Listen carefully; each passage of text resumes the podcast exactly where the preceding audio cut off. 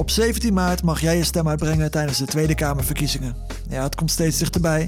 Weet jij al welk vakje je rood gaat kleuren? En heb jij je al verdiept in welke partij bij jou en jouw idealen past? In deze podcastreeks ga ik aan de hand van een aantal stellingen de wensen en voorkeuren van mijn gasten verkennen.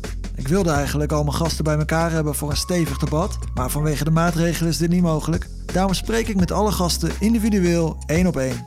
Deze podcast is een montage van die gesprekken. Dit is aflevering 3 van de Get in the Ring podcast, georganiseerd door Hanze Cultuur en Debat. Ik ben Colin Mooijman en ik ga in gesprek met student Sander van der Dussen van Belangenbehartiger HSV, student en fractievoorzitter van Lijst Sterk Danny Kolthoff en met de fractievoorzitter van de Partij van de Arbeid in Groningen en kandidaat voor de Tweede Kamer, Julian Bushoff. In deze aflevering hebben we het over kernenergie, de privatisering van het zorgstelsel en of het referendum terug moet komen. Sander van der Dussen, je bent secretaris van zowel de fractie als het bestuur van HSV en je bent student technische bedrijfskunde. Ja.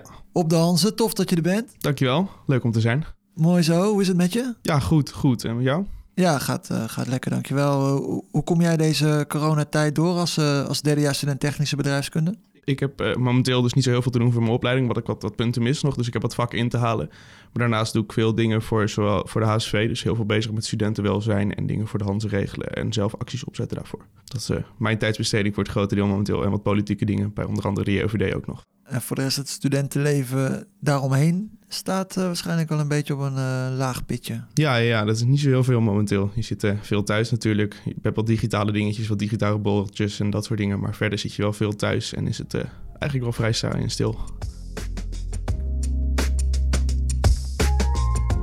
Danny Kooltof, je bent student en fractievoorzitter van Lijst Sterk. Klopt, tof dat je er bent. Hoe is het? Ja, goed. Dankjewel. Mooi dat ik hier mag zijn. Ik, ja, bij mij gaat verder alles goed.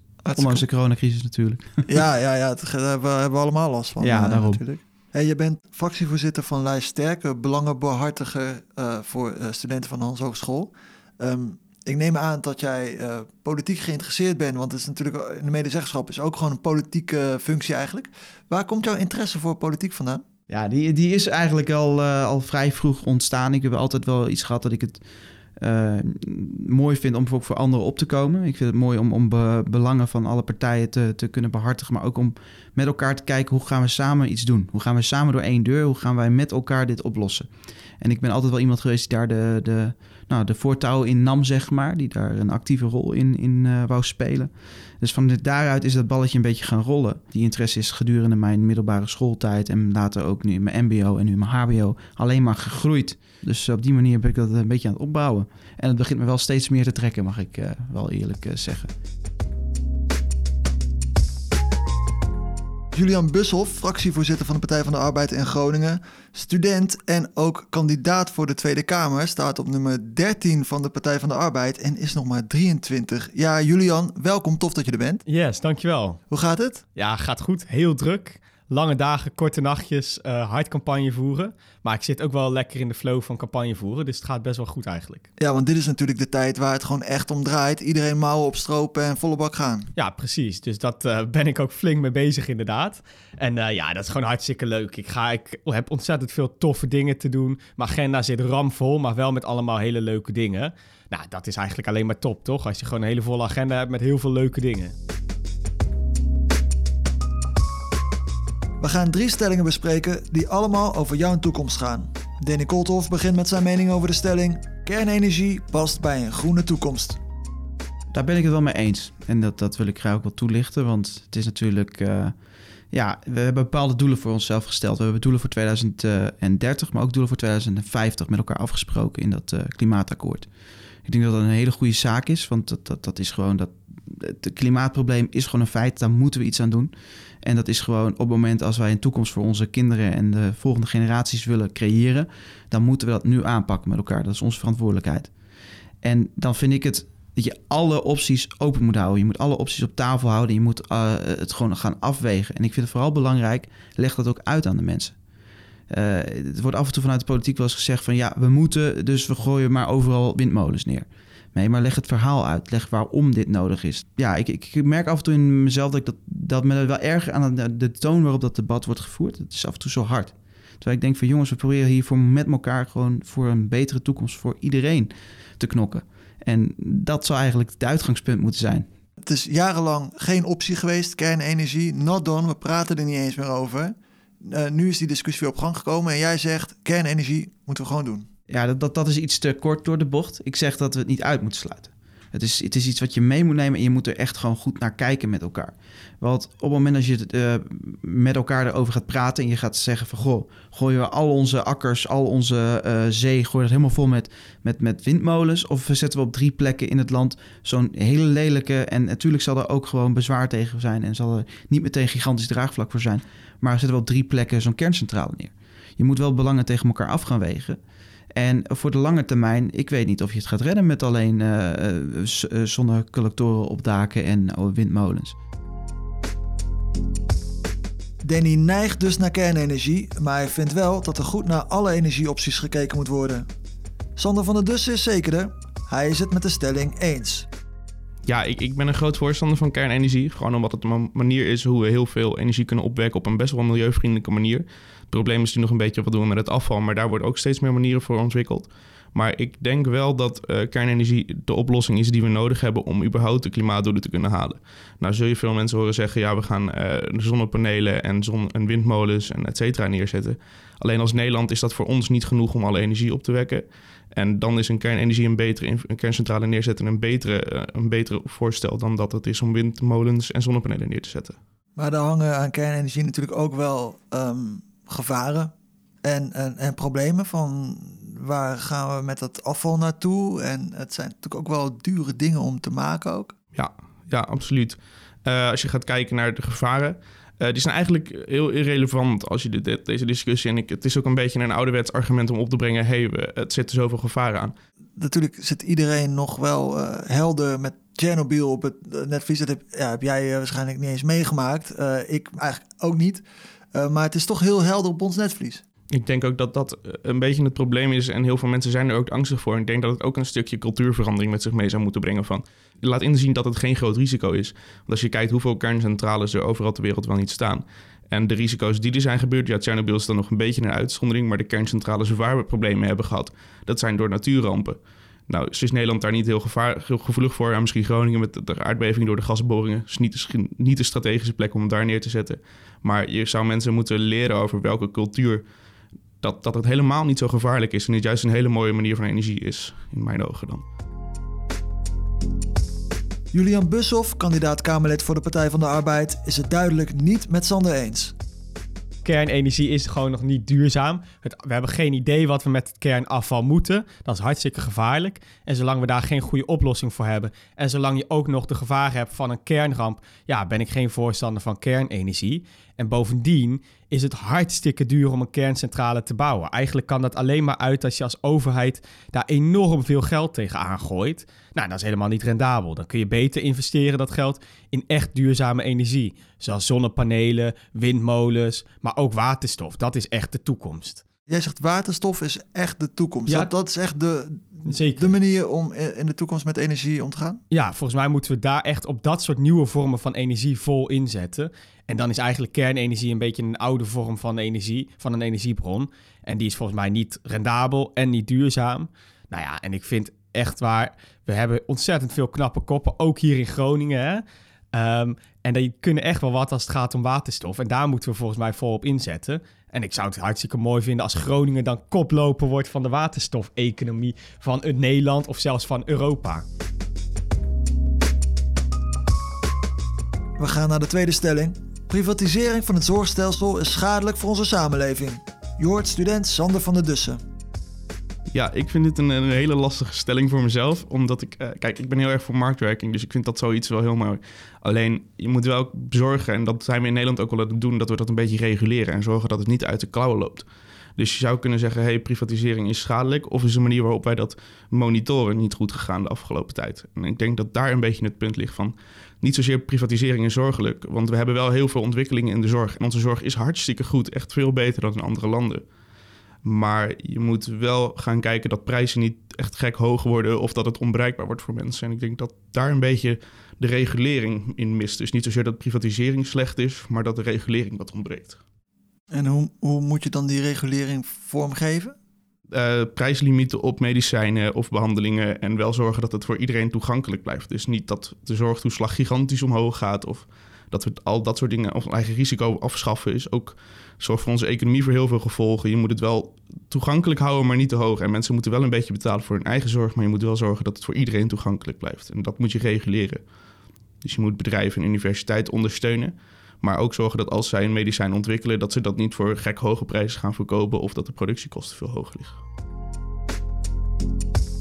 Danny Kolthoff denkt daar iets anders over. Hij vindt de privatisering van het zorgstelsel schadelijk voor onze samenleving.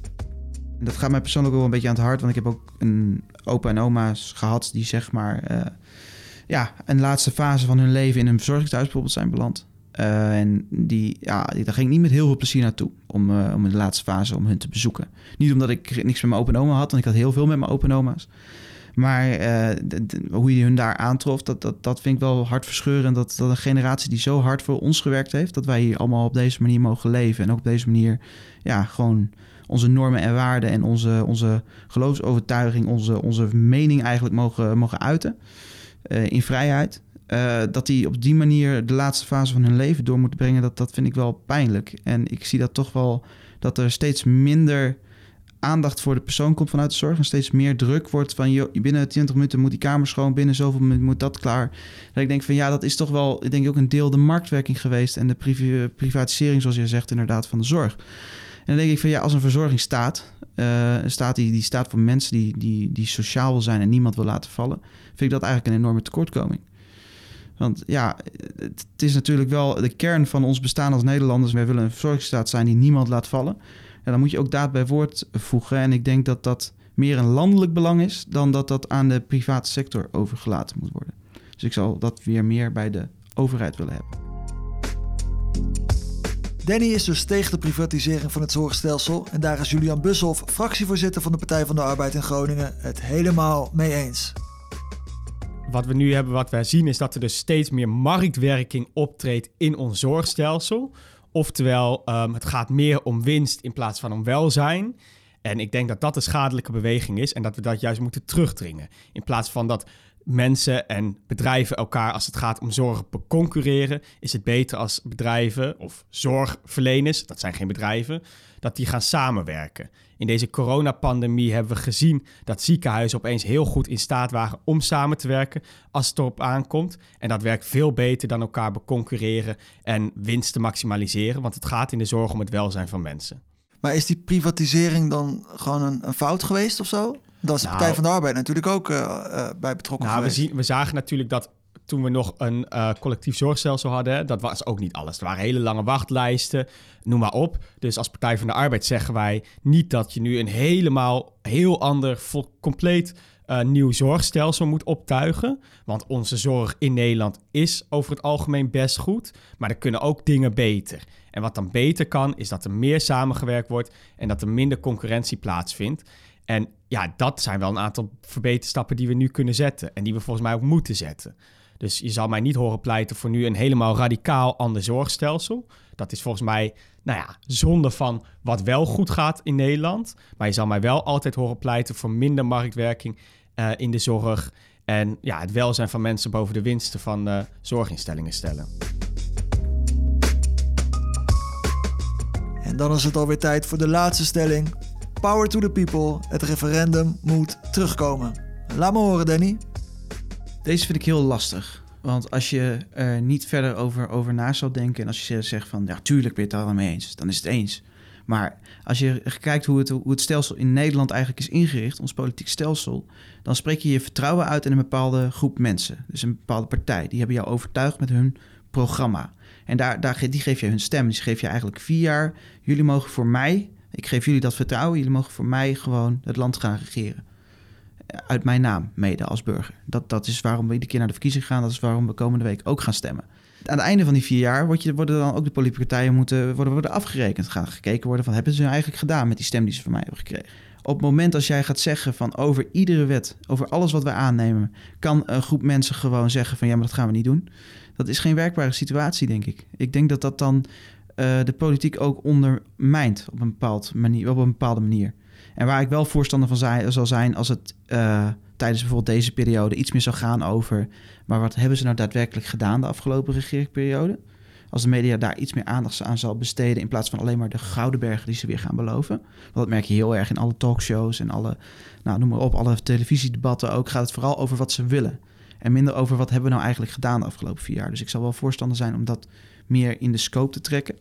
Het is natuurlijk iets heel moois om zo te zeggen. En, en vanuit eerste reactie zal iedereen zeggen: het zijn we eens.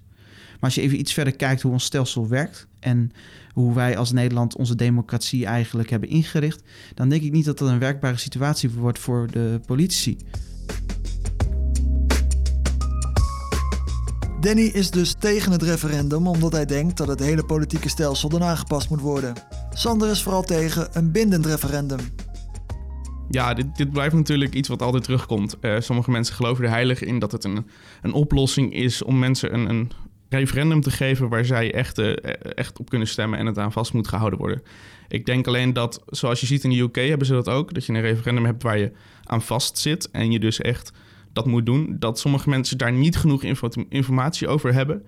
En dat je dan foute keuzes maakt, zoals je in de UK waarschijnlijk wel hebt gezien. Nou wil ik niet zeggen dat dat per se fout is, maar het uh, pakt nog niet zo uit als zij uh, hadden gehoopt, zeg maar. En het zijn wel overwogen keuzes die je moet maken. En als je mensen dus aan een vast referendum zet, waar mensen dus echt mee kunnen stemmen en het echt het verschil moet maken, ik denk dat je daar heel veel mensen hebt die niet genoeg informatie erover hebben. Ik denk dat dat een beetje het risico is aan een, een vaste referenda. Je kunt het adviserend houden, zodat mensen wel hun zegje kunnen doen wat vindt het land erover.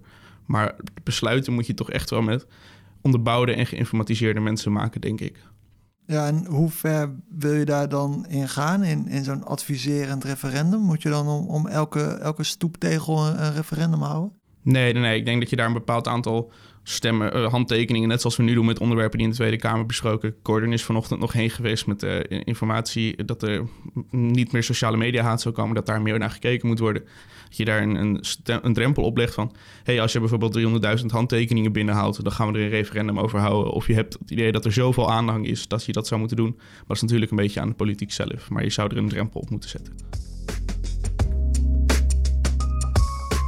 De jonge P van de A, Julian Bushoff, is juist voor een bindend referendum. Maar dan moet het wel gaan over onderwerpen waar stemmers ook echt een goede mening over kunnen hebben. Ik ben het eens met de stelling power to the people. Dus mensen moeten invloed kunnen uitoefenen op belangrijke beslissingen in hun dagelijks leven. Dus dat gaat erover als zij als er een beslissing wordt genomen over bijvoorbeeld hun huurhuis, of over hun wijk, of over hun buurt, of over het bedrijf waar ze werken, dan moeten mensen daar invloed op die beslissing kunnen uitoefenen. Daarom zeggen wij ook: geef werknemers van een bedrijf instemmingsrecht bij belangrijke beslissingen over de toekomst van hun bedrijf. Zorg ervoor dat mensen meepraten als het gaat over plannen maken voor hun wijk of buurt. Dat vind ik heel belangrijk. En ik denk zeker dat een referendum in sommige gevallen ook zinvol kan zijn, maar alleen als het gaat over hele concrete, hele wezenlijke vraagstukken. Een referendum over het associatieverdrag met Oekraïne, waarvan niemand wist wat er in godsnaam in dat associatieverdrag stond en waar dat echt over gaat. Ja, dat is het Oekraïne-referendum ja, van een paar jaar geleden, toch? Precies. Ja, dat vind ik een heel slecht plan. Dat was heel raar, vond ik ook. Dan moest je ineens over iets gaan, gaan beslissen waar, waar je gewoon niks mee te maken hebt. Dat vind ik echt een ontzettend slecht idee. Dus ik ben van dat soort referenda echt geen voorstander. Maar een referendum over een hele concrete vraag, die echt gewoon heel wezenlijk is in het dagelijks leven van mensen.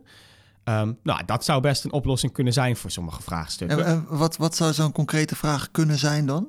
Nou ja, bijvoorbeeld uh, over iets wat in jouw buurt of wijk gebeurt. Hè? Wil je, noem maar wat, uh, wil je dat hier uh, een grote weg komt, ja of nee? Zoiets bijvoorbeeld. Iets wat mensen zich kunnen voorstellen. Iets wat heel concreet is, wat heel makkelijk is om te begrijpen. Nou, zo'n vraagstuk zou je best aan inwoners kunnen voorleggen. Uh, dus dan ben ik zeker niet per se tegenstander van referenda. Maar ik ben er ook niet een heel groot fan van. Ik vind we hebben in Nederland de representatieve democratie. Oftewel, Um, mensen kiezen volksvertegenwoordigers. En ik vind het het werk van volksvertegenwoordigers om in gesprek te blijven met inwoners, met mensen. En om de mening van inwoners op te halen en te vertolken um, in de politiek. En dat vind ik een groot goed wat we vooral moeten koesteren. Sander, als een luisteraar nu zwevende kiezer is of misschien überhaupt twijfelt om te gaan stemmen, Wat adviseer jij dan zo iemand? Probeer sowieso veel stemwijzers in te vullen. Stemwijzers zijn een van de ja, goede middelen om er echt achter te komen waar je op moet stemmen. Maar, en als je dan je stemwijzerresultaten hebt, pak de bovenste vijf partijen. Pak iets van een. Ze hebben meestal wel een verkorte versie van een partijprogramma erbij. En lees ze even door. En kijk wat hun pareltjes zijn. Want als die dingen je aanspreken, dan komt de gedachtegang van de partij verder ook wel in de buurt. Dus ik denk dat een heel goed advies is. Verdiep je erin, maar niet in alles, want dat is vet veel werk. Moet je de tijd maar voor hebben. Eh, maar verdiep je dan in de bovenste paar van je stemwijzers. Want dan heb je een iets diversere keuze dan, oh, ik kom bovenaan bijvoorbeeld op iets uit. Het is heel simpel om dan te zeggen, ja, ik stem erop, maar verdiep je er een beetje in. Want dan heb je iets meer kennis waar je op stemt. En het is gewoon heel belangrijk dat wij gaan stemmen, want onze stem is nu heel belangrijk voor onze eigen toekomst. En dat onderschatten sommige mensen een beetje, denk ik.